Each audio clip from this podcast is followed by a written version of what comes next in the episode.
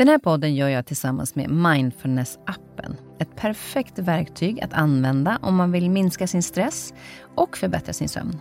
Med guidade meditationer anpassade efter ditt specifika behov. Och på tal om sömn så har jag en väldigt spännande nyhet att introducera för er. Jag tillsammans med Mindfulness-appen har tagit fram en sömnberättelse som heter Visdomen från den blåsiga vägen. Det är en form av godnattsaga för vuxna som får dig att slappna av i kroppen och varva ner mentalt för att lättare kunna somna. Följ med mig på en förtrollande resa som vaggar in dig i drömmarnas värld och önskar dig en skön god nattsömn.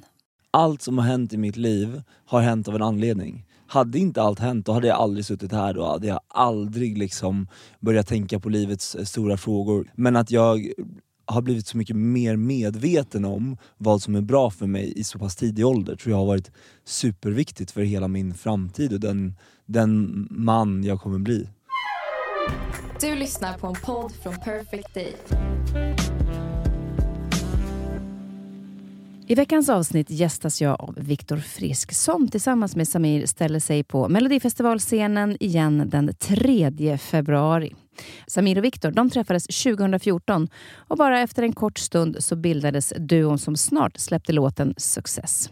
Och efter att ha varit med i Melodifestivalen flertalet gånger, de har haft långa turnéer, flera låtar som gjort succé och de har streamats över 300 miljoner gånger på Spotify.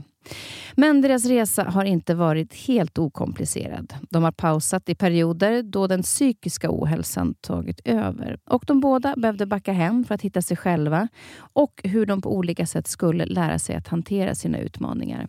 De har gjort karriärer på varsitt håll inom olika yrken, men viljan att jobba igen tillsammans har smugit sig på de senaste åren. Och nu är de ju tillbaka på scenen igen. Melodifestivalen med låten Hela världen väntar.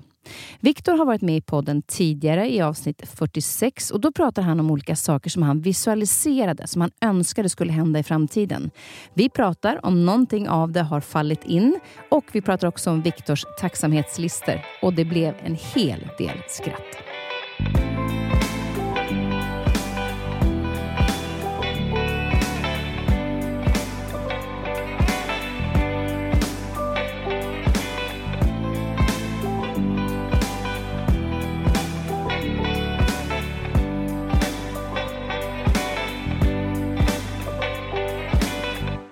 Välkommen Viktor. Hej, tack snälla. Tillbaka. Ja, Ja, det var ju här för typ två år sedan. otroligt. Ja. Eh, och vi pratar en del eh, om spännande saker, vad du affirmerar och sådär. Och vi ska komma tillbaka till det faktiskt i slutet av eh, samtalet. Yes. Eh, om de här sakerna som du har affirmerat om faktiskt har skett. Jo, det är jätteroligt att eh, du har facit i hand. Yes, yes, yes. Du, nu är det nära.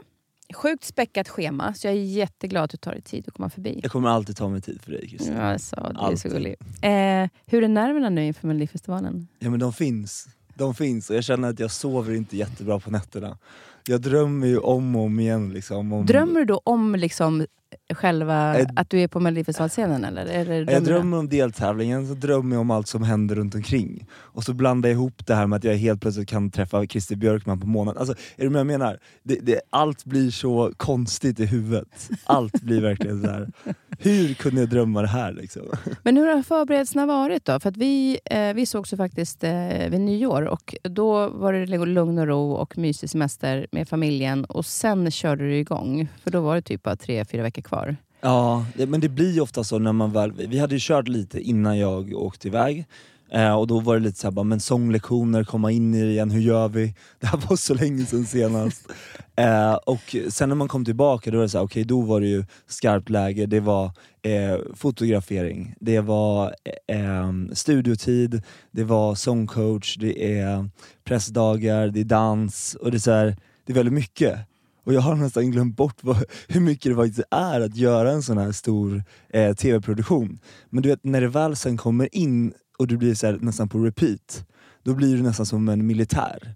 Du står i vakt hela tiden, du har din matlåda, din banan och dina nötter, nu kör vi liksom. Men kan du tycka att det också är skönt på ett sätt att det är så strukturerade, alltså allting är uppstyrt, så här, nästan att det är schemalagt Mm. och då vet du vad som händer under dagen. Är det en, tycker du att det är en fördel att ha det så, även om det är mycket?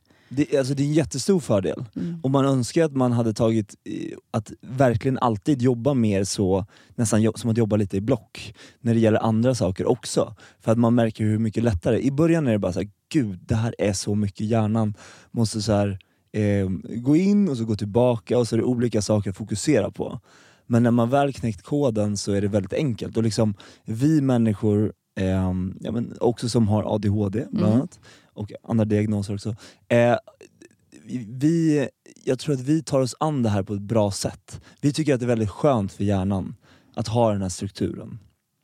Så den är ganska positiv ändå. Jag tycker du var inne på det här med sånglektioner. Jag såg någon, du la ut någonting när hon satt och nöp dig. Var det tunga? Vad fan Alltså, det Massera? men det är inte bara sånglektioner utan det är även, de masserar i munnen eller? Ja, alltså hon är ju, ja, 100, jag vill ge all cred till henne. En av Sveriges bästa sångpedagoger, eller en, hon är det. Hon heter Susanne Bertlin. Hon gör mycket med både alla från Idol, Masked Singer, alla som absolut inte kan sjunga. Eh, vilka som har varit med i Masked Singer som absolut så här, det här är ett... Eh, Janne Andersson kanske? Ja, det var en utmaning. Liksom. Ja, han Ja. var underbar, men det var nog en utmaning för henne. Eh, så hon är superduktig och hon liksom jobbar inte bara med att vi ska göra de här now, now, now, now, now. Utan hon jobbar ju mycket med att hur rösten fungerar, att sitter ihop i hela kroppen, att det är nerver och eh, muskelspänningar som sitter i tungan, i axlarna, hur det sitter ihop med hur man sjunger. Eh, och då får ju jag, jag, har ju, jag har ju en liten heshet på rösten som jag har fått under åren. Eh, och då kan man eh, massera ut den via att trycka på vissa punkter längst bak på tungan. För att det blir som att, eh, jag tänkte säga är stämband. Stäm, stämband. Jag älskar dig och dina felsägningar. Ja, Ja, stämband. och då är det ett stämband Ja. som heter det lite mer svullet än det andra och då måste man eh, justera det. Och då Ja. blir det mycket lättare. Vilket faktiskt funkar. det ser ju väldigt ont ut. Ja, det, jag gråter ju. Men det är det värt. Det är det värt. Det är det värt. Det är det faktiskt värt. Men kan du också märka då skillnaden på rösten ganska snart efter några sånglektioner med henne? Att, du blir, att den blir bättre men att du också blir tryggare i den? Alltså jag, är, jag, jag känner mig så trygg, dels med henne, men också när jag kom in dit första dagen, jag bara, men det här kommer ju aldrig gå. Nu är det kört liksom. Men sen så börjar man komma in i det mer och mer, man står och nöter mer själv framför spegeln, eh, med en banan i handen typ. Alltså, eh, och, och nu känns det ju riktigt bra. Både jag och Samir kollade på varandra häromdagen och bara, men vad fan, nu börjar det låta bra. Ja, Vad är det som händer liksom? Fasiken vad roligt. Ja, för ni träffades ju 2014. Yes, det Eh. är alltså tio år sedan idag. Ja. Ja, det är tio år sedan. Det Ja, är det är tio år 2014 sedan. nu. Gud. Ja. Nu är det inte 2014. Nej men alltså det är tio år sedan, som du är 24. Ja, ja, ja, exakt, precis. exakt. Du och jag, våra felsägningar. ja, med, med låten Success var det va? Ja. Eh, och sen har ju ni faktiskt varit ifrån varandra ett tag, men ni var med på Allsången i somras. ja.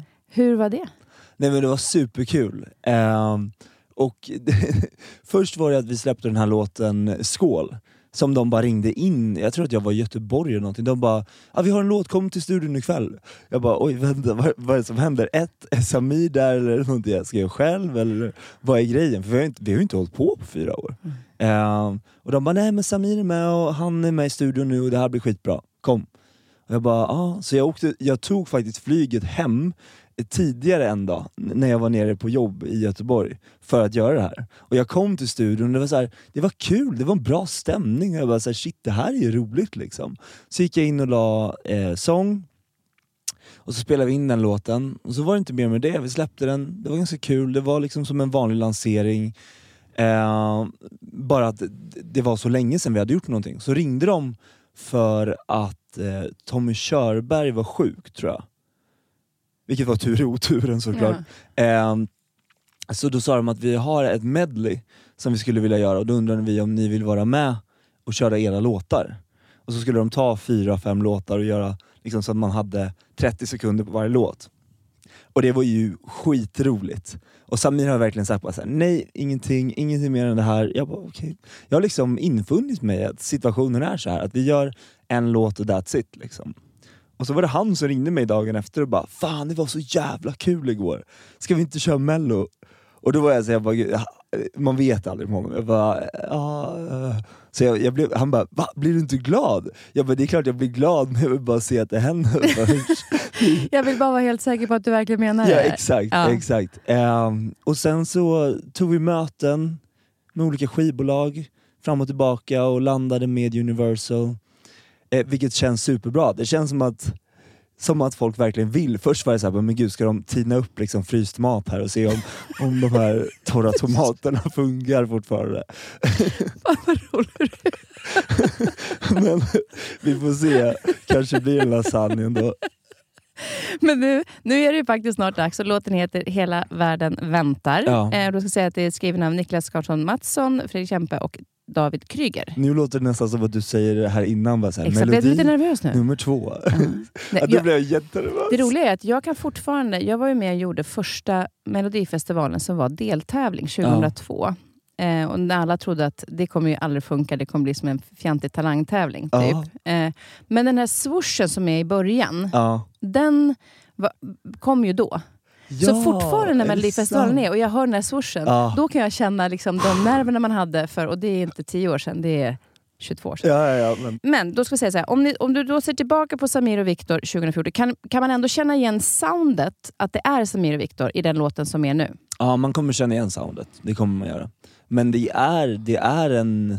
Alltså det är någonting nytt. Mm. Och det är no, alltså I den här låten så är det också någonting sårbart. Alltså den är väldigt sårbar. Den är också väldigt fin. I, i en tid där, där människor behöver tre minuter av lite hopp om världen, hopp om livet. Exakt, det är precis det vi behöver. Ja, Vad, här, vad spännande. ja det ska bli Men superspännande. om man tänker då, skillnaden på Samir och Viktor idag, för ni har gjort era resor på varsitt håll, ni Mm. tog ju en paus. Vad skulle du säga är den största skillnaden om du ska summera det? För vi kommer komma in närmare på det sen. Oj, den största skillnaden är att vi, att vi har fått en så fin connection med varandra. Och att vi verkligen vet eh, hur, man, men hur man ska prata med varandra, när man ska prata med varandra, när man liksom ska backa ett steg. Jag kan säga till Samir, bara, vet du vad? Nu, nu, nu är det hands up, nu behöver jag fem minuter och du säger inte ett ord, shut the fuck up. och han fattar det, för det är ju med kärlek. Liksom. Ja. Och han är tvärtom, bara såhär, nej nu orkar inte jag mer. Nu, nu liksom, vi hörs om några timmar. Och det tycker jag är bra, att man sätter gränser mot varandra väldigt tydligt, att man förstår varandra, att man har respekt mot varandra. Vi har mycket, mycket mer respekt mot varandra idag. Och den det är ju, det gör ju att man bygger ett team på ett annat sätt kanske än tidigare. Ja, gud ja, nu liksom så här, man kan stöta och blöta och tycka olika om saker och ting, Mm. men då får man liksom eh, backa, eh, prata igenom det och tänka bara så här, okej, men hur kommer vi fram till en lösning på det här problemet? Istället för att bara rap, rap, rap, bli arga på varandra och sen ta det här via två olika managers som typ så här, i slutet av vår karriär så pratar varandra typ via våra, våra advokater. Liksom. Alltså, Mm. Du fattar vad jag menar. Men där är det någonstans att ni, ni pausade ju, för det blev ju också ett galet tempo när ni turnerade. Eh, vad var det som fick dig att känna att du inte orkade? Jag tror att det jag kände sista sommaren där 2019, det var innan pandemin, eh, det var att man, man var på spelningar så var det typ fem gig kvar. Och jag bara, gud jag vill bara hem och käka tacos. Och då stod man med en publik med 7000 och det enda jag tänkte på var att ligga hemma i min säng och bli ompysslad och käka tacos av mina vänner. Och det är så här, när man börjar tänka i de banorna och att det liksom inte det är inte kul, man gör det bara för att det är ett jobb, alltså det är ett måste. Eh, det är bara, det, allt var bara statistik och jag bara kollade, bara, det, det är så många gig kvar, jag, bara, jag orkar inte det här längre. Och då var jag mer såhär bara, är det här det jag verkligen vill? Men det var verkligen något jag ville, för det var verkligen kul, men det blev bara för mycket. Och jag tror man liksom kanske inte reflekterade, inte tänkte så. Vi Var du inte mer- kanske beredd på att det skulle bli så? eller? Nej, jag trodde väl kanske... För när, det här är så spännande med, med just min, eh, med min diagnos när det gäller den bipolära diagnosen. Det är att så här att, jag kan ju ta beslut när jag är jätte, jätteglad och uppåt och bara kör 100 gig, nu kör vi liksom. Det här klarar jag utan problem. Men sen när man har en dag när man är eh, alltså depressiv, alltså deprimerad, då, då är det ju svårt att gå tillbaka till just den. Så att jag har ju pendlat väldigt mycket samtidigt med en turné med också en bipolär diagnos.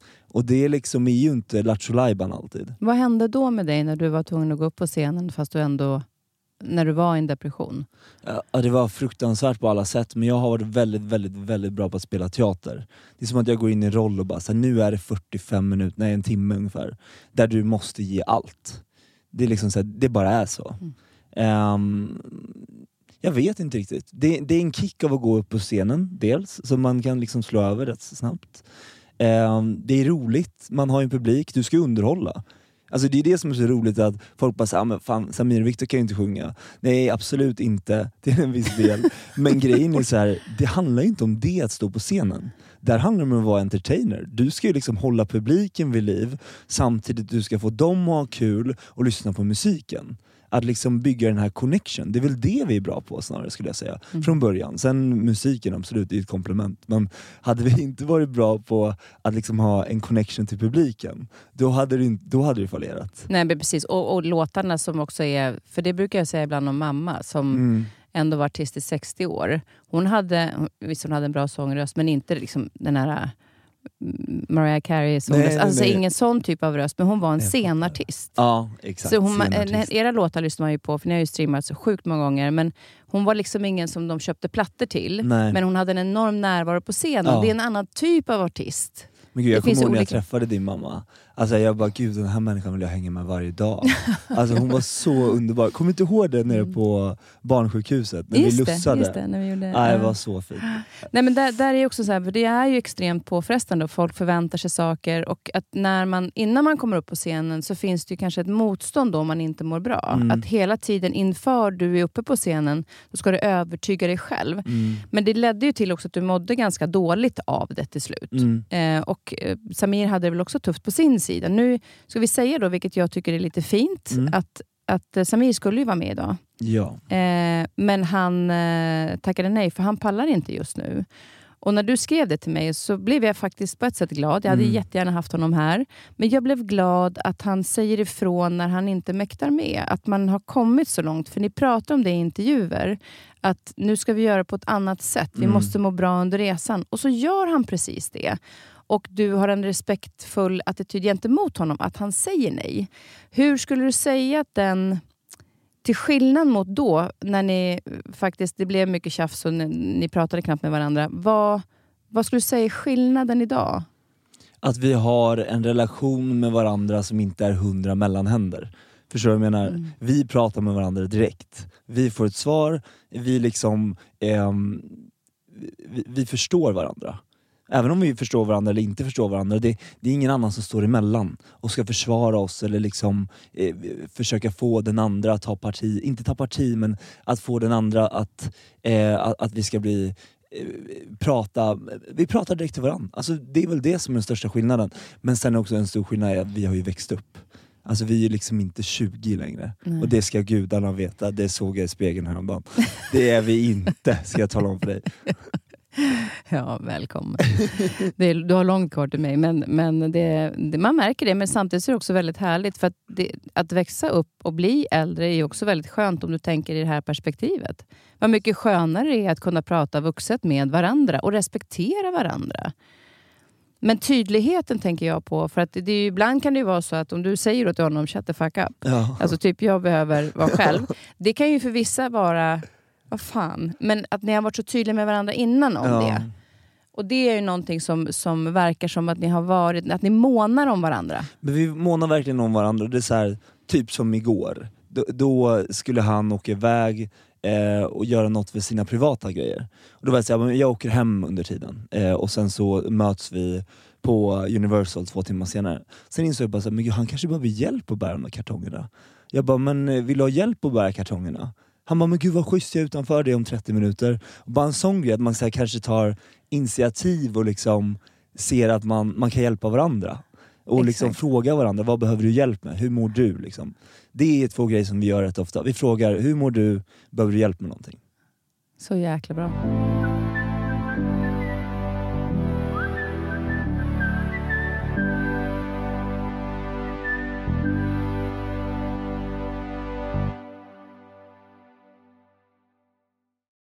Under den här tiden då när ni var ifrån varandra, så har det också, ni har inte bara blivit äldre, utan ni har också gjort olika resor. Mm. Alltså du, man kan, ni gör ju så mycket. Ni jädrar vad ni gör mycket saker. Han pluggade till mäklare, blev mäklare. Yes. Och du startar bolag och håller på med massor med olika saker.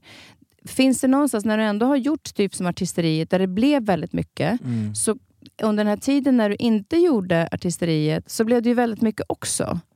Jag har väl kanske ganska svårt att ligga hemma och bara tycka att det är skönt. Andreas tycker det är jätteskönt att sitta och kolla på film och jag, jag sitter med honom gärna och kollar på film men det, det, det drar ju hela kroppen. Det är så här, dit, dit, dit, dit, vad ska vi hitta på nu? Men kan du se dina begränsningar ändå? För att just det här som du var inne på tidigare, att när man mår bra, Mm. då säger man ju ja till så mycket saker. ja. Men har du börjat med konsekvenstänket? Mm. Att jag säger ja till det här om två månader, de här tio jobben, men är det bra att säga ja till så mycket när jag vet att det kan komma ännu mer in på? Har du börjat tänka lite mer så taktiskt så att du inte hamnar i samma situation igen? 100%. Jag tackar mycket, mycket mer nej till saker Mm. än vad jag tackar ja till saker nu idag. Eh, och det har väl gjort också att jag, så här, jag, jag kör på de långsiktiga bollarna när det gäller samarbeten till exempel. Jag gör inte jättemycket de här mindre grejerna längre, utan jag vill verkligen så här, eh, se kontinuitet och att bygga liksom ett en hållbarhet för mig själv också. Det är samma när det gäller Samir och Viktor. Vi, vi tackar inte ja till vilken spelning som helst längre, utan vi, vi gör det verkligen eh, för att vi genuint vill och att, liksom, att vi båda ska må bra av det. Och det märker jag redan nu när, så här, du vet, när det börjar komma bokningar. Bara, nej, nej, nej, den där resan, då är jag borta. Då, den här rör ni inte. Liksom. Ehm, och, och bara en sån grej tycker jag är rätt skönt. Att man sätter, eh, att man sätter gränser för varandra. Mm. Eller för, för- för sig själv såklart. Och att man faktiskt har ett privatliv. För det Men- gör ju att vi kommer hålla lite längre. Ja, för att hur många spelningar kunde ni ha förut till exempel på en sommar? Nej, men alltså, det är det här som är så sjukt. Vi båda var typ singlar, typ. eh, och hade ja, men 85 till 90 spelningar på en sommar. Fram till typ oktober. Liksom. Mellan vänta, januari, februari. Ja, ja. Mm. Och det, det var ju inte rimligt någonstans. Men ni kommer ha spelningar nu, men ni kommer göra ett annat tempo. Men vi kommer ha några spelningar. Eh, Men vi kommer nog ha ett helt annat tempo. Mm. Och, och, men bara för att säga det här också, att alltså vi har ju växt upp båda två, vi har två stabila partners, eh, de kommer få vara med på den här turnén, då blir det ju lite roligare. Mm. Då nästan så bara, men då kan man göra lite mer, men samtidigt inte på det sättet som vi gjorde då. Liksom. Men kommer ni jobba med de andra sakerna också som ni håller på med? För att du var inne på massa bolag förut, Mm. och sen så han, men han har pausat mäkleriet va? Ja, men han har pausat mäkleriet just nu, men Ja. han har ju liksom sin licens kvar. Ja, så han Och- kan ju gå tillbaka till det när han känner för Ja, det. ja gud ja. När vi tröttnar på honom nästa gång så är det ju rakt in. Perfekt att ha någonting att gå Ja, tillbaka ja, till då. ja. Ja. Men om man, då, om man tittar liksom tillbaka på eh, de framträdanden som ni gjorde, den typen av liksom, eh, arti, liksom artister som ni var. Eh, vad, vad, vad känner ni att ni vill utveckla till den här gången? Soundet. Vilket Eh, sätt då? Ja, men jag tror att vi vill ha lite mer mognare sound eh, och att vi liksom verkligen vill gå in för de låtarna vi gör. Och det märker jag nu när vi sitter i studion, att, så att det finns en tanke. Lyssnar man på de sista fyra, fyra låtarna, fyra, fem låtarna vi gjorde, så dels, jag minns dem inte, de är skitdåliga, förlåt nu kastar jag ju alla under bussen. De är inte jättebra, de har streamat extremt dåligt och vi var inte närvarande. Det, det, allt handlade om en enda sak. Det skulle bara släppas låtar för att släppas låtar. De låtarna finns. Vi var inte närvarande. Mm. Vi var där, vi gjorde det men det var inte kul och vi var inte närvarande. Och det hörs så bra i soundet. Jag vill säga bara, att vi satt och pratade om det typ, för några bara, alltså, kan man bara ta bort de där låtarna från Spotify? Man kan ju inte göra det tyvärr men du fattar vad jag menar. Men är det också så här vikten av att, eller vågade ni inte då säga nej och vara så att jag tycker inte att den här låten är bra? Eller tänkte ni inte ens tanken utan ni körde bara? Jag tror att jag sa många gånger att jag tror inte att det här är bra på vissa. Och så var det någon låt som jag blev tvingad i att köra. jag bara, ja absolut vi kör liksom. Ehm, alltså jag minns inte, det, det är väldigt diffusa minnen. Jag mådde inte jättebra under just den perioden. De låtarna som är släppta, det är precis det året jag mådde som sämst. Och sen året därpå liksom. Så det är ganska tydligt att det där går hand i hand. Ja, att är man, då orkar man inte... Vi sa det båda två, det här är ju jättetydligt att det är här, de här låtarna, där har vi tappat det liksom. Mm. Vi mådde inte bra. Så det bästa ni kunde göra var ju faktiskt att pausa? Eller, ja, för ni sa ju också att ni skulle pausa. Men, men för att då reda ut det här som många har skrivit om och pratat om, så var Mm. det ju att det snackades om att det var väldigt mycket bråk. Mm. Men hur skulle du se på det? Eller ni se på det? Om- Alltså jag skulle mer se det som att det, det var inget bråk. Det var mer en tystnad från varandra. Eh, som kanske blev, för mig så var det mer som att jag, jag blev ledsen av den tystnaden. Alltså jag blev ledsen av att vi kanske inte hördes. Samir flyttade hem till Linköping och skaffade Nokia 3310 för att han in, inte mådde bra såklart. Mm. Men i och med att jag mådde så bra, eller min illusion var att jag mådde så bra, jag kunde ta över världen, hej um, Då blev det som att jag blev ja, men, ganska ledsen och sen kände mig ganska sviken. Och sen började jag bli så här. alltså vem är jag egentligen utan Samir och Viktor? Det här är liksom det jag har växt upp med. Jag har inte gjort något annat, alltså typ. Ehm, på det sättet. Och då, då, blir, då, då, där tappade jag mig själv ganska mycket. På grund av att jag tappade lite den identiteten som jag trodde att jag hade.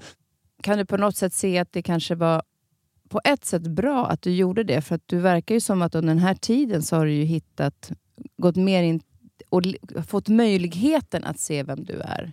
Har du jobbat med det under den här tiden? Alltså jag ångrar ingenting. Allt som har hänt i mitt liv har hänt av en anledning. Hade inte allt hänt, då hade jag aldrig suttit här, då hade jag aldrig liksom börjat tänka på livets eh, stora frågor. Kanske att jag hade fått, haft en 50-årskris och börjat tänka på det då. Men att jag har blivit så mycket mer medveten om vad som är bra för mig i så pass tidig ålder tror jag har varit superviktigt för hela min framtid och den, den man jag kommer bli. Tror du att det är så att du idag är... Du är inte din prestation, utan du är den du är. Förstår du vad jag menar då? Att man, många gånger så kan man ju vara...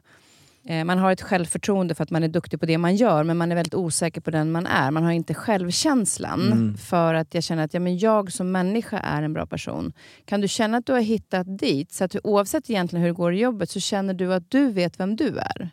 Jag tycker att jag, jag tror aldrig man kommer bli 100% eh, till att ha den självkänslan. Eh, som jag hade en, en gång förut, för länge sedan. Men jag jobbar på det. Men det där är väldigt, väldigt svårt.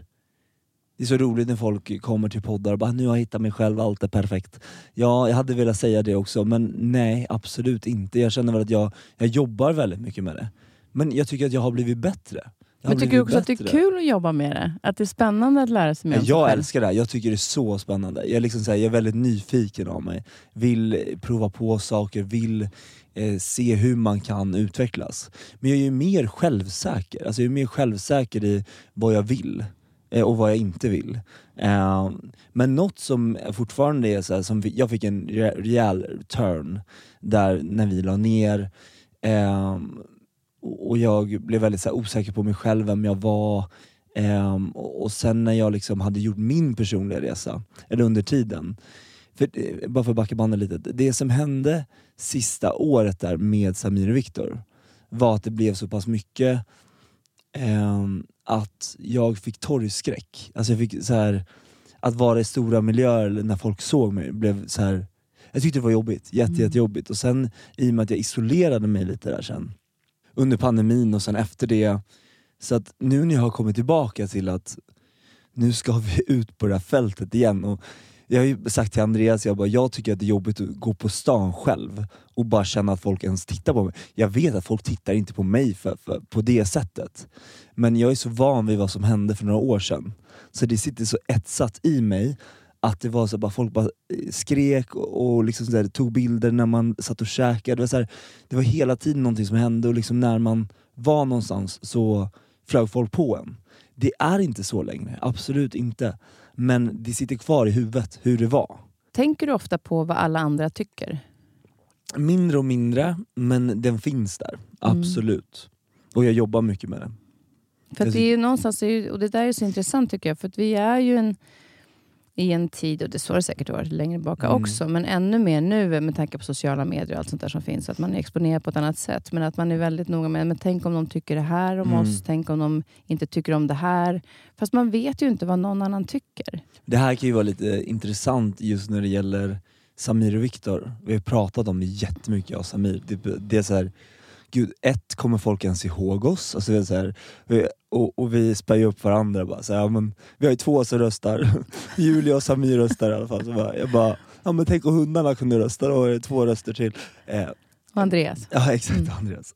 Ehm, nej, men jag, jag tror att vi har en ganska stor osäkerhet i om folk ens minns oss och liksom vilka vi är. Vilka var vi då, vilka är vi nu? Alltså, även fast vi älskar det vi gör och att eh, vi, vi, gör det bästa vi kan av det, så vet vi inte hur det kommer tas emot av svenska folket. Och vi har liksom ingen, vad säger man? Alltså vi har inga, vi har liksom en, vi har en eh, vi vill jättegärna att det ska gå bra. Vi vill ju jätte, jättegärna att vi ska gå vidare såklart. Men vi vet inte. Och vi känner, eh, vi känner oss väldigt så här. vad säger man? Inte, inte otacksamma eller tacksamma inför stunden. Vi känner oss öd, ödmjuka Mm. inför situationen.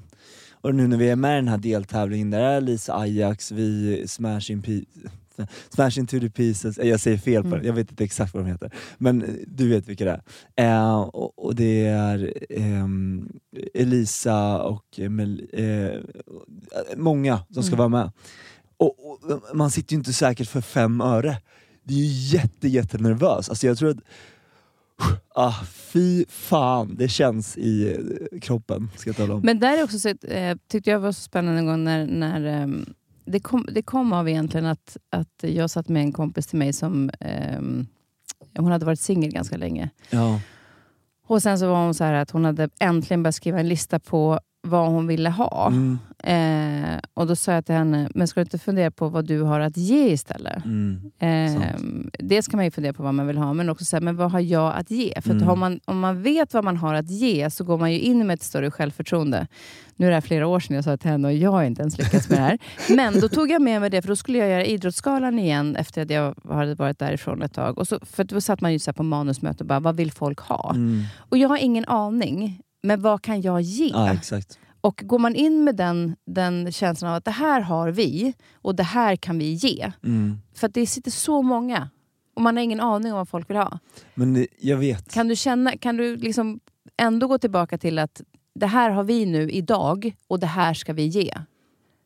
Ja, alltså 100% och det är väl det vi, det, är det vi känner. Vi bara, dansen måste sitta perfekt. Sången måste sitta så gott som det går. Alltså är du med jag menar? Ja, för, men det är så här, vad kan vi ge? Vi kan ge ehm, att vi övar, vi kan ge att vi liksom ehm, gör allting in, inför så gott som det går.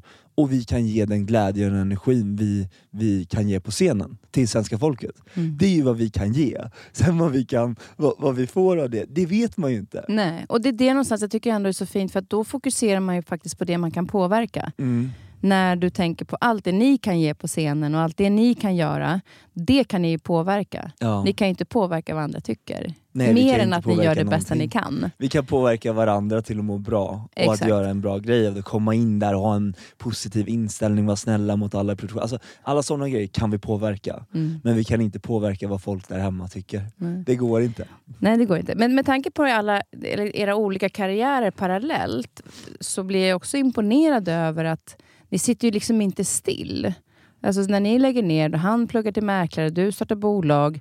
Vad skulle du säga, är liksom, om vi pratar om dig då, din drivkraft i att göra saker? Liksom? Att vad är det som du känner att du drivs av? Jag drivs av att göra andra människor glada, nummer ett. Jag drivs av att få folk att utvecklas. Det är därför jag skriver mycket om eh, psykisk ohälsa. För jag känner att då ger jag någonting. Även om eh, det, det här är så intressant när man, sitter, när man skriver till exempel om men hur man mår. Eh, och vissa kan nog tänka bara så här, ja gud nu klagar han igen på livet. Men jag får ju hundra DM från andra människor som också mår dåligt. Där jag faktiskt kan coacha och hjälpa till. Vilket jag tycker, det, då har man gjort någonting för världen. Det är samma som till exempel när vi skrev om ADHD, ja, men då är det jättemånga barn som känner ett hopp inför framtiden. Och, och när man eh, skriver om bipolaritet, då finns det många som känner att de inte sitter i samma båt, att man har någon att reflektera med. eh, eller vad man kan göra för att må bra. Eh, när man lägger upp en träning då in, inspirerar man människor kanske till att gå till gymmet eller känna att man liksom är delaktig i sin egen vardag. Eh, det gillar jag, det, för det får, det får jag en kick av på något sätt. Att hjälpa andra människor. Jag, jag, det, det, jag vet inte varför, men det är någon grej. Det är samma så här, om man är ute på krogen, inte bara, som ett exempel, eh, att man har ett mission ikväll ska jag göra alla människor glada. är du vad jag menar? Ja. Du går in i ett mission, även precis som du gör när du går upp på måndag morgon. Du går till kontoret, du har ett mission, alla ska bli glada, vi ska se till att alla kunder blir glada, vi ska liksom så här sprida en positiv känsla. Då har du lyckats, då mår du bra. Det, det är mer så att man pratar om, vi pratar om det här, ett givande och ett tagande. Jag tycker det är jätte... Men nu blir det som att vi pratar sex här. Jag tycker... jag, jag, jag tycker att det bättre att ge Förlåt, det blir jättefel. Nej men det är inte. Nu, nu börjar dina tankar fladdra iväg. Jag är fortfarande faktiskt på... Men, men ja, det är bättre att ge än att ta, eller vadå? Ja, men det blev fel i huvudet på mig. Uh, uh, uh, Nej men du tycker om att ge. Men det där är en drivkraft, i att göra andra människor glada. Ja. ja. Du kan inte släppa det nu.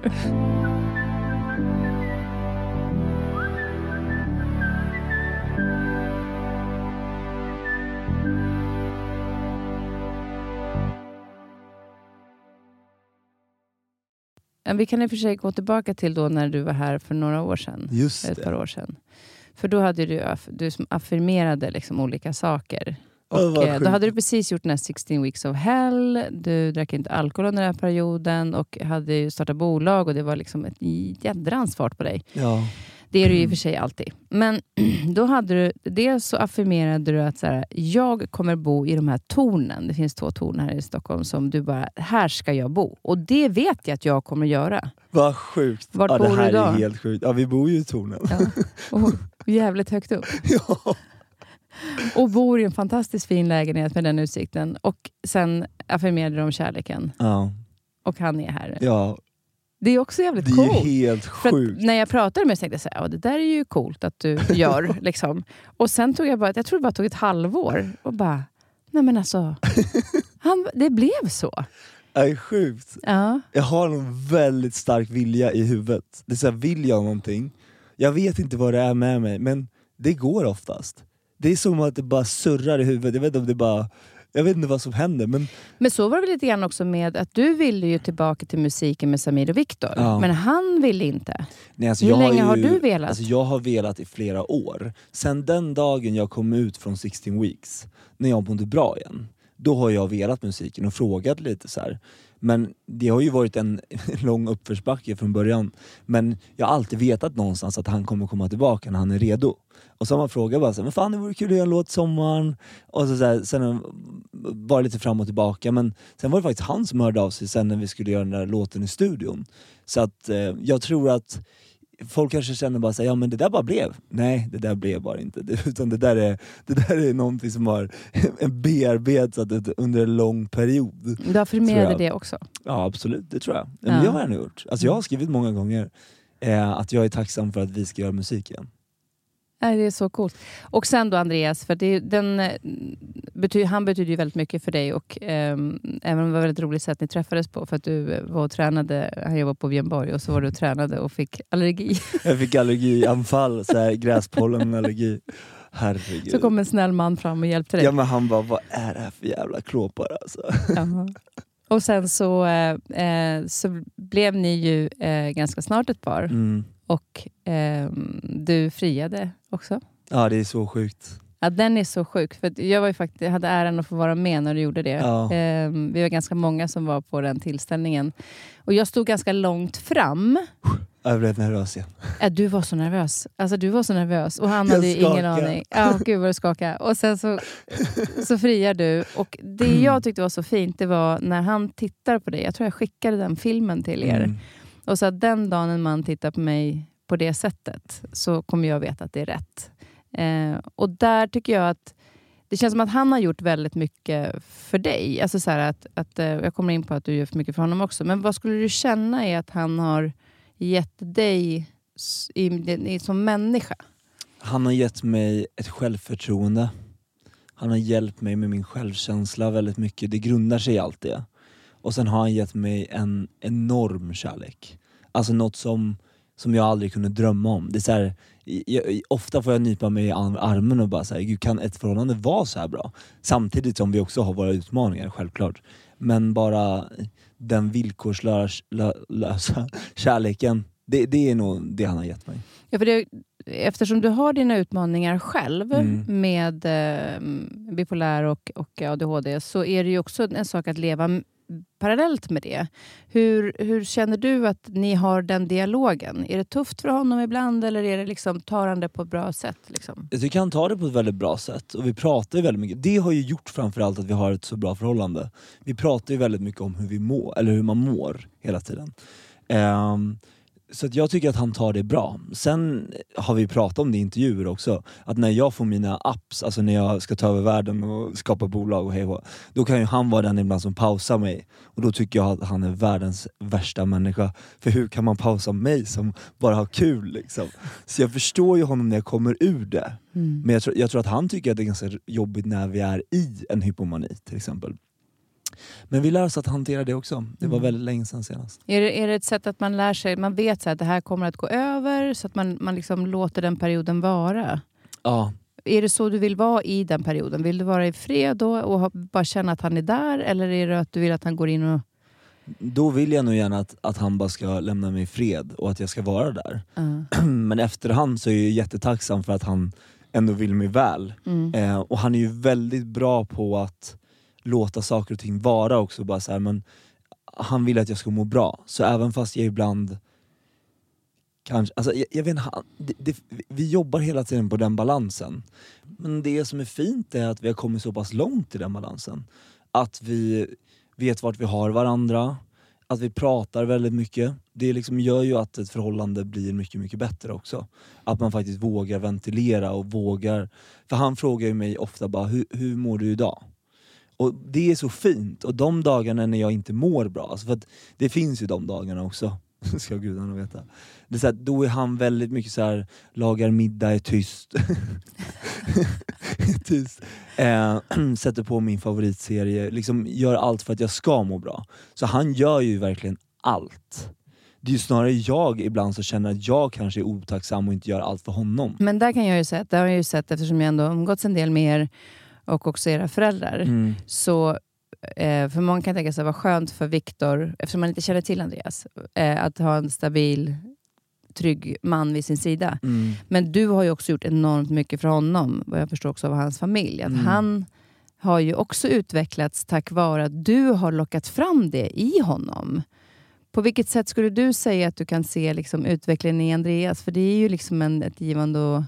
Men Andreas har ju gått från att liksom leva ett ganska lugnt liv, så här. ha sina saker på plats liksom, till att det kommer in en yrvind liksom, och bara rum, rum, rum, rum. Nu ska du vara här.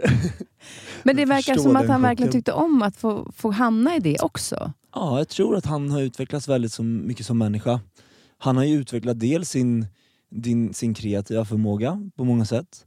Han har ju utmanat sig själv i sina, hur han är socialt.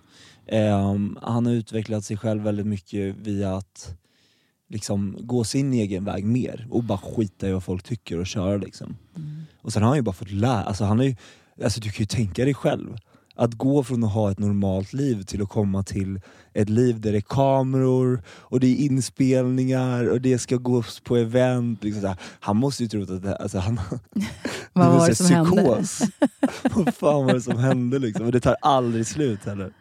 Det var typ som eh, Jenny sa en gång, eh, hon som jag har företag tillsammans med, hon bara Jag tror Andreas börjar bli utbränd, det är för mycket event nu.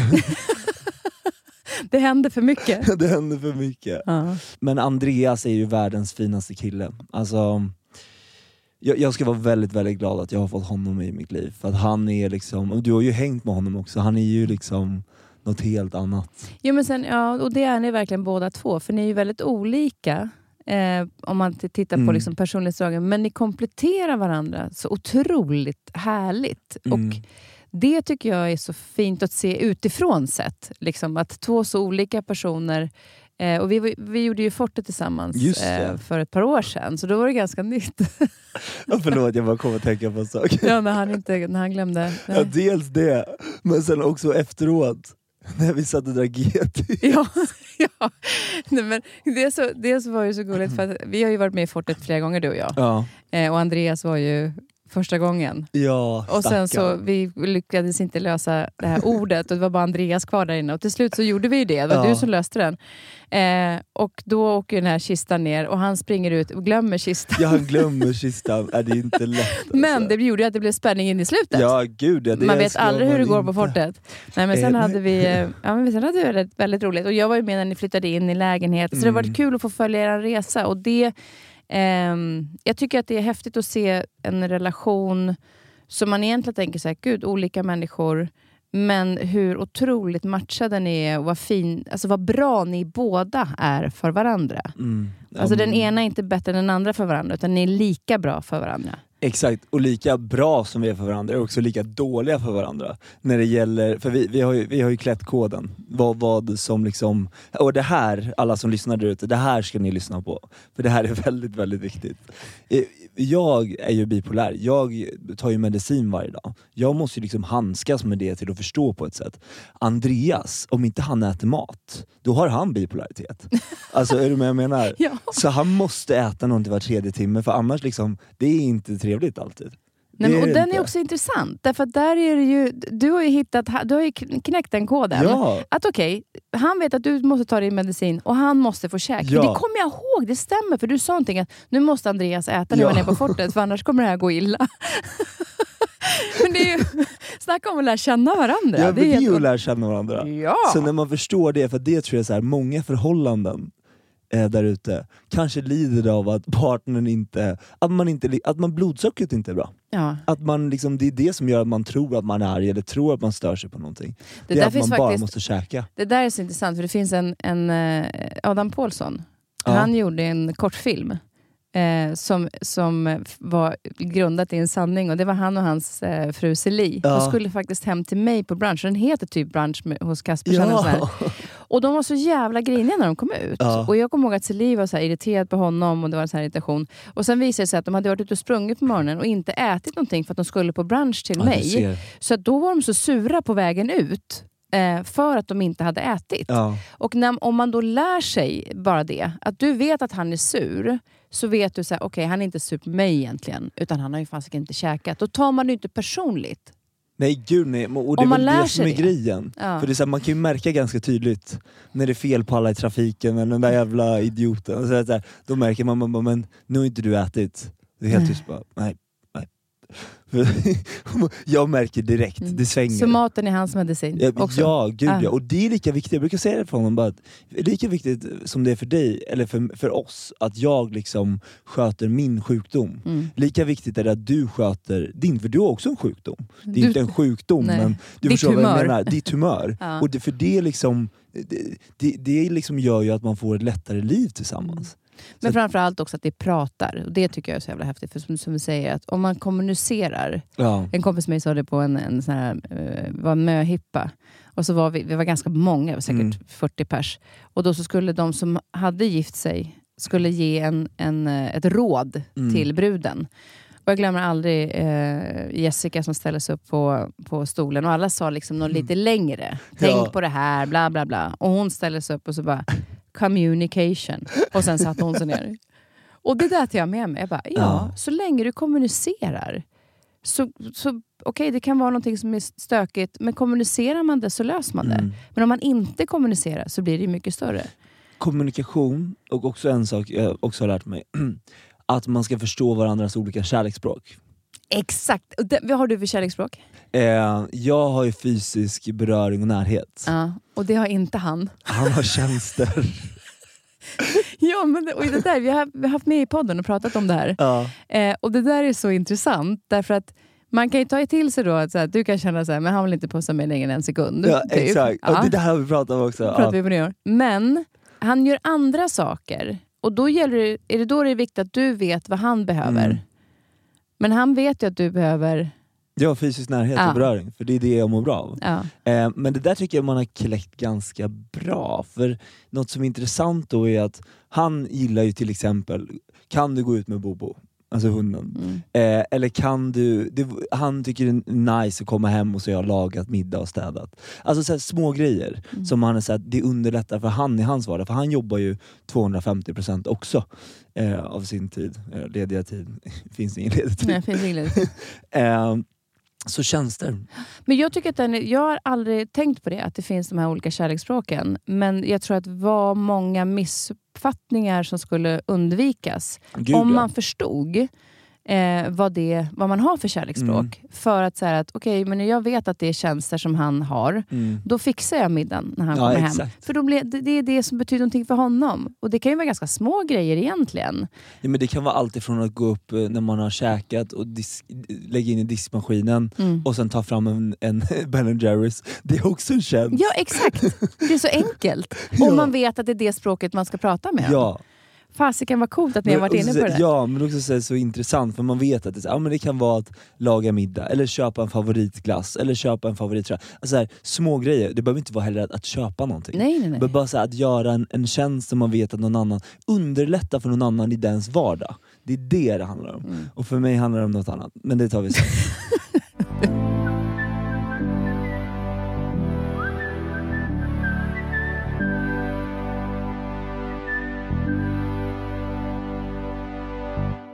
Jag träffade dig till och från på gymmet. ja. Vi har till och med tränat ihop. Men vad gör det för dig? För du gick, gjorde den här 16 weeks of hell. Skulle du säga att efter den tiden så blev det liksom någonting annat för dig med träningen? Alltså det, det var ju så kul, för efter 16 weeks of hell så fortsatte jag ju träna. Och så var det som att jag fick ett uppehåll på en månad under sommaren. Men då träffade jag Andreas. Och när jag träffade Andreas var det så bara, han tränar ju varje dag, de har ju så här sports hour i och med att han jobbar eh, på Björnborg. Så de har ju sports hour varje dag klockan 11 och jag kunde inte vara sämre själv. Så Andri Andreas har ju inte bara varit viktig för mitt liv, han har också varit viktig för min hälsa. Um, så vi tränar ju typ varje dag. Mm. Och det kommer ju till... eh, Och nu- vet jag för att nu har ju du super, super mycket och eh, vi smsade lite grann igår. Då var du i studion och sen var jag och tränade och sen ser jag att du kommer ner. Ja. Och det är så lätt att man när man har mycket, att man skiter i träningen. Ja, men det gör inte du. Inte Nej, jag- ibland. Nej, men, jag har ju varit sjuk till och från nu nästan en och en halv månad. Och då känner jag såhär, jag har klättrat på väggen. Jag bara så här, för några dagar sedan, för att jag, jag har inte fått träna i och med att jag blev frisk och så började jag träna. Men så blev jag sjuk igen och då skivbolaget var såhär, du tränar inte, punkt slut. Nu, så här, nu måste du hålla dig frisk ända fram till mello. Och så gick det en vecka, jag bara, nu, måste jag träna för jag bara kände så här, jag har sån grov ångest. Jag bara, jag har ångest för absolut ingenting. Och då insåg jag att jag måste gå och träna. Och så gick jag och tränade igår eh, efter att ha haft ett uppehåll under en tid. Och jag bara, sen när jag kom hem, jag bara gud vad skönt det här är. Mm. Alltså den så här, du vet när man kört skiten ur sig själv, kommer ut, tar en varm dusch, och så kommer hem och det är så här, du, inte eftersvettas men du fattar så här, man är väldigt varm i hela kroppen. Och sen får man sätta sig i soffan och bara, man är helt slut. Och bara öppna telefonen och bara, ja men vad fan vill du din jävel? och så sätter man på meditationsläget och går och lägger sig. Och du mediterar också? Jag mediterar ganska mycket faktiskt. Mm. Framförallt på kvällen precis när jag ska somna. För att jag, när jag lägger mig på sängen i huvudkudden så bara, då kommer, även fast jag är trött att jag ska lägga mig så bara, ding ding! Så här, ja just det, det var det där, stängde jag dörren, har jag smsat där? Men gud, har jag glömt samarbete? Alltså, vet du, det blir så mycket. Mm. Och, och, och därför är det bra för mig att komma ner i varv. Och därför gör jag ofta en, en meditation som finns på mindfulness-appen. Den är Ehm, jättebra. Och jag tror att det är han som heter Mar- Mar- Martin Wiklund. Mm. Han har det här lugnet i rösten som jag uppskattar jättemycket. Eh, och sen har jag även, jag tror hans syster, eh, för de heter samma sak, som heter God morgon, en morgonmeditation som jag vaknar med. Och när jag vaknar morgonen, alltså du fy fan, jag är hemsk alltså. Jag är hemsk Har du inget bra morgonhumör? Eller? Nja, nja, jag jobbar på det. Är du morgonmänniska eller skulle du kunna sova länge? Nej, jag är nog en eh, kvällsmänniska. Jag skulle absolut kunna sova längre, men jag eh, tvingar mig själv till att gå upp. Eh, men det jag skulle säga då, att jag har väldigt mycket ångest på morgonen. Alltså jättemycket ångest. Vad, vad händer då? Det vet jag inte riktigt. Men vad är det du känner? man kan, det kan vara så när man är bipolär, antingen att det kan vara så mediciner, att det blir någon kemisk grej under natten och sen att man har ångest på morgonen. Eller så är det människor generellt som har ångest. Mm. Och jag har ju fått mediciner för det här, men ta det här på morgonen så försvinner ångesten. Jag bara, men jag ska inte ta någon ångestdämpande på morgonen bara för att jag mår bra, mår dåligt i en halvtimme. Liksom. Och då har ju meditation varit eh, kanon. För att man sitter ju där i eh, 16 minuter i den här meditationen. I första tio minuterna är det som att det bara susar i huvudet, jag vill bara gå och lägga mig och liksom så här, är arg på allt och alla. liksom, innan jag ens har vaknat. Men sen när 20 minuter har gått, då har jag ju så här bearbetat allt jag ska göra. Så jag går in och tar en dusch och kommer igång. Det är jättekonstigt, men jag vaknar med den där jävla ångesten. Men vad skönt att du har hittat ett sätt att hantera den och att du inte heller, för ibland kan man ju säga nej jag vill inte ha den här ångesten, så går man, jobbar man emot den Mm. istället för så här, okej nu är den här, nu gör jag min meditation och så vet jag sen att den försvinner. Mm. Jag ger de här tio minuterna när det studsar i huvudet, men det kommer att bli bra. Ja, det är 20 Att där att du har hittat studsar. det lugnet ändå, att du, alltså, att du kan ta det till dig. Att Mm. du har hittat något, ett verktyg som funkar för dig. Gud ja, och jag tycker fortfarande att det är så konstigt att jag vaknar med den här ångesten. Det är så här någonting jag försöker bearbeta, och försöker, eller bearbeta, jag försöker eh, råda bot på det. Mm. Vad är det egentligen? Men eh, ingen som vet. Men sen skriver du också tacksamhetslistor. Ja, det Det berättade du för mig på nyår. Jag tänkte att, för det gjorde jag för många år sedan. Ja. Men då skrev jag typ tre eller max fem saker som jag var tacksam för under den dagen. Och så säger du på nyår att du skriver tio saker. Ja. Och då tänkte jag, jag ska inte vara sämre. och sen till slut bara efter några dagar, jag bara, nej, ja, nu räcker det med fem. Men, men vad gör det för dig att du skriver de här listorna på kvällen? Att jag reflekterar över dagen. Att jag kommer ihåg allt ifrån morgon till kväll på ett sätt. Och då blir man tacksam. Mm. Det är så bara, just det, jag träffade den här människan idag. Ja men just det, jag gjorde det här. Men gud, jag var ju, det där gjorde jag. Och, och sen också så här, kan jag vara den också som skriver vad jag kan bli bättre på till dagen efter. Så bara, jag kan bli bättre på att vara snäll mot mig själv. kan bli bättre Så att du på försöker påminna dig själv också om att vad man kan göra annorlunda. Gud ja. Alltså om Mm. du läser mina anteckningar då skulle du förstå.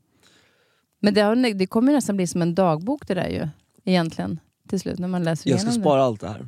Och det kanske är kul att se när man blir äldre. Vad, Mm. vad var jag tacksam för? Men jag märker också så här, en, att jag repeterar saker. Jag vet ju, och ja men det kan ju också vara det. Att du repeterar så pass många gånger, då blir det ett mantra. det. Mm. Jag vet att innan jag går och lägger mig, jag är tacksam över min familj. Jag är tacksam över att jag har Andreas. Jag är tacksam över att Bobo är världens finaste hund. Nästan finaste. Exakt, jag är, tack, nästan finaste jag är tacksam över att jag får vara hos Kristin idag och poddat. Eh, jag är tacksam över att jag och Samir har hittat tillbaka till varann. Jag är tacksam över att vi ska få vara med i mello. Jag är tacksam för att jag liksom lever och har tak över huvudet.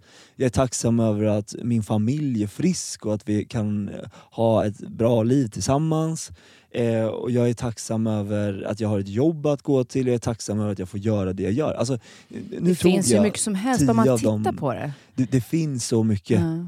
Det där var faktiskt ganska fint när jag gjorde Söndagsöppet för många, många år sedan. Så det var den perioden som jag skrev ner det här med tacksamhet. Mm. Och då eh, hade jag sagt det i en intervju. Och sen ett halvår senare så får jag ett brev från en kvinna, eh, nej, från en man som hade förlorat sin fru. Mm. Och eh, hade läst den här intervjun och han tänkte så här, vadå tacksam? Han var helt förtvivlad för de hade Mm. levt ihop hela livet. Och eh, började skriva, eh, bestämma sig för att jag ska försöka se vad jag är tacksam för. Och plötsligt så, så skrev han att så såg han saker han hade i livet, han fokuserade inte på det han inte hade. Att därigenom Exakt. hitta tacksamheten. Och det är så lite som egentligen behövs. Och att det inte är de här stora sakerna. Det kan vara så här, jag är tacksam för det här leendet som jag fick när jag gick över gatan. Exakt. Att det finns de här små sakerna, men att vi ser dem. Och som Anna Tibelius som har varit här flera gånger och pratat om hjärnan, det är ju när vi reflekterar över saker som vi lär oss och minns. Mm. Så att nu till exempel när du gör den här tacksamhetslistan under den här tiden som du gör med Mello, så kommer du reflektera över varje dag. Vilket gör att Mello blir ju inte bara själva, tänker jag då, när ni står på scenen. Utan det är ju hela resan dit. Mm. Känner du att du får med dig det? Att du, att du har med dig liksom hela resan på vägen? Att inte bara målet där borta, utan att en del av resan är ju... Eller målet är ju också resan. Alltså jag känner att jag njuter. Jag känner verkligen det. Sen är det jättejobbigt till och från också. Man känner bara såhär, gud det här var too much liksom. Mm. Men jag njuter. Mm. Jag njuter av sånglektionerna. Jag skrattar. Jag njuter av danslektionerna. Det är ingen stress. Jag, jag, jag, försöker njuta av det här, för att jag vet att det inte kommer igen. Era låtar har ju streamats, jag, jag kollade, var det 270 miljoner? Vad fan var det? Jag tror 330. Är det 330 nu? Det är jag har läst något gammalt här. Det är uppdaterat. 330 miljoner gånger. Vi fick, gå in, vi fick ju vårt eget Spotify-konto nu när vi gick över till Universal. Och då kan man gå in och se i realtid hur många som lyssnar.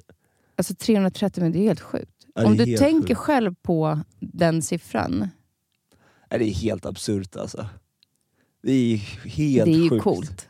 Ja, det är, ja Vad- men det är ju lite det. Och vad tror du är, är det som gör att den är så enormt populär? Alltså eran musikgenre. För att den är väldigt folklig. Den får människor att dansa och bli glada.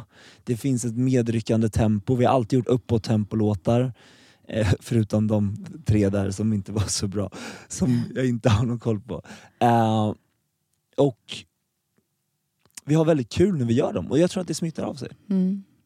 För det är verkligen, det jag lyssnade på, var på Nyhetsmorgon så pratade de om slagers Mm. och sådär. Och att folk säger så här, nej men jag lyssnar inte på slagers, men är det någonting folk dansar till så är det ju det. Och det kan känna lite grann att det är lite grann samma Men med det är bara er. kolla när vi var, på, när vi var i Åre. Ja, Alltså, du vet, när, det, när det kommer igång de här eh, olika låtarna från år tillbaka. Det är så här, folk gillar ju det. ja, man står ju inte still, men det är ingen som säger att de lyssnar på det. Och jag kan känna lite grann att så här, lyssnar ni på Samir och Viktor? Nej, det gör jag inte. Men nog fasiken dansar de flesta till det. Jag är efter Alltså, tre på natten Ja, när det gäller äldre vuxna.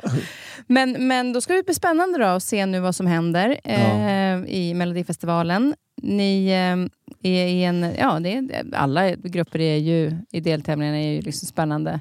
Men, men vilket startnummer har ni? Är det två? Nej. Nummer två. Nummer två. Adam Woods kör som nummer ett och vi kör som nummer två i, eh, i Malmö Arena. Alltså gud. Ja. Det är så jävla coolt att se nu just den här nervositeten börjar komma ordentligt. Det här är också en rolig grej att folk säger att de inte kollar på mello. Sen vet man att alla har kollat när de väl, för de ska prata om det sen efteråt. Ja men exakt. Men du din jävel kollar ju inte. Nej precis. Men man älskar ju att kolla på Mello. Jag älskar också att kolla på mello. Jag har gjort det sedan jag var liten. Men det är någon så här lyckogrej och jag tror att jag kan känna så här ännu mer nu än någonsin behöver man ju Mm. få titta på lite härlig underhållning. Så att ni, ni går in och kör järnet och har sjukt roligt nu när ni, när ni går in där. Ja, och ge det. allt vad ni kan och vad ni är bra på. För det är 100 ni. procent, det ska vi göra. Då är det alltså hela världen väntar. Och eh, jag tänkte då innan vi eh, avslutar så vill jag ju höra lite grann, vad är du nyfiken på? Alltså jag är ju nyfiken på eh, universum. Jag vill veta mer hur Mm. attraktionslagen fungerar. För jag vet att det fungerar, men hur fungerar det? Jag vill gå ännu djupare där. Vilken eh, låt ska vi Men, avsluta med? Gå Det får ut inte- på Chainsmokers med Closer. Jag och Samir hade en väldigt, väldigt rolig turnésommar och alltid i turnébussen så lyssnar vi på den här låten. Och därför tycker jag att den hör väldigt bra ihop med att vi också ska ut på en sommarturné. Tack snälla Viktor och lycka till. Krama Samir från mig. Det ska jag göra.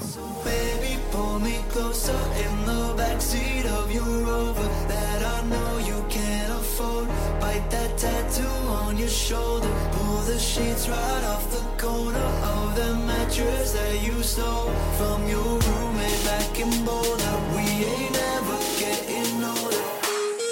här podcasten är producerad av Perfect Day Media.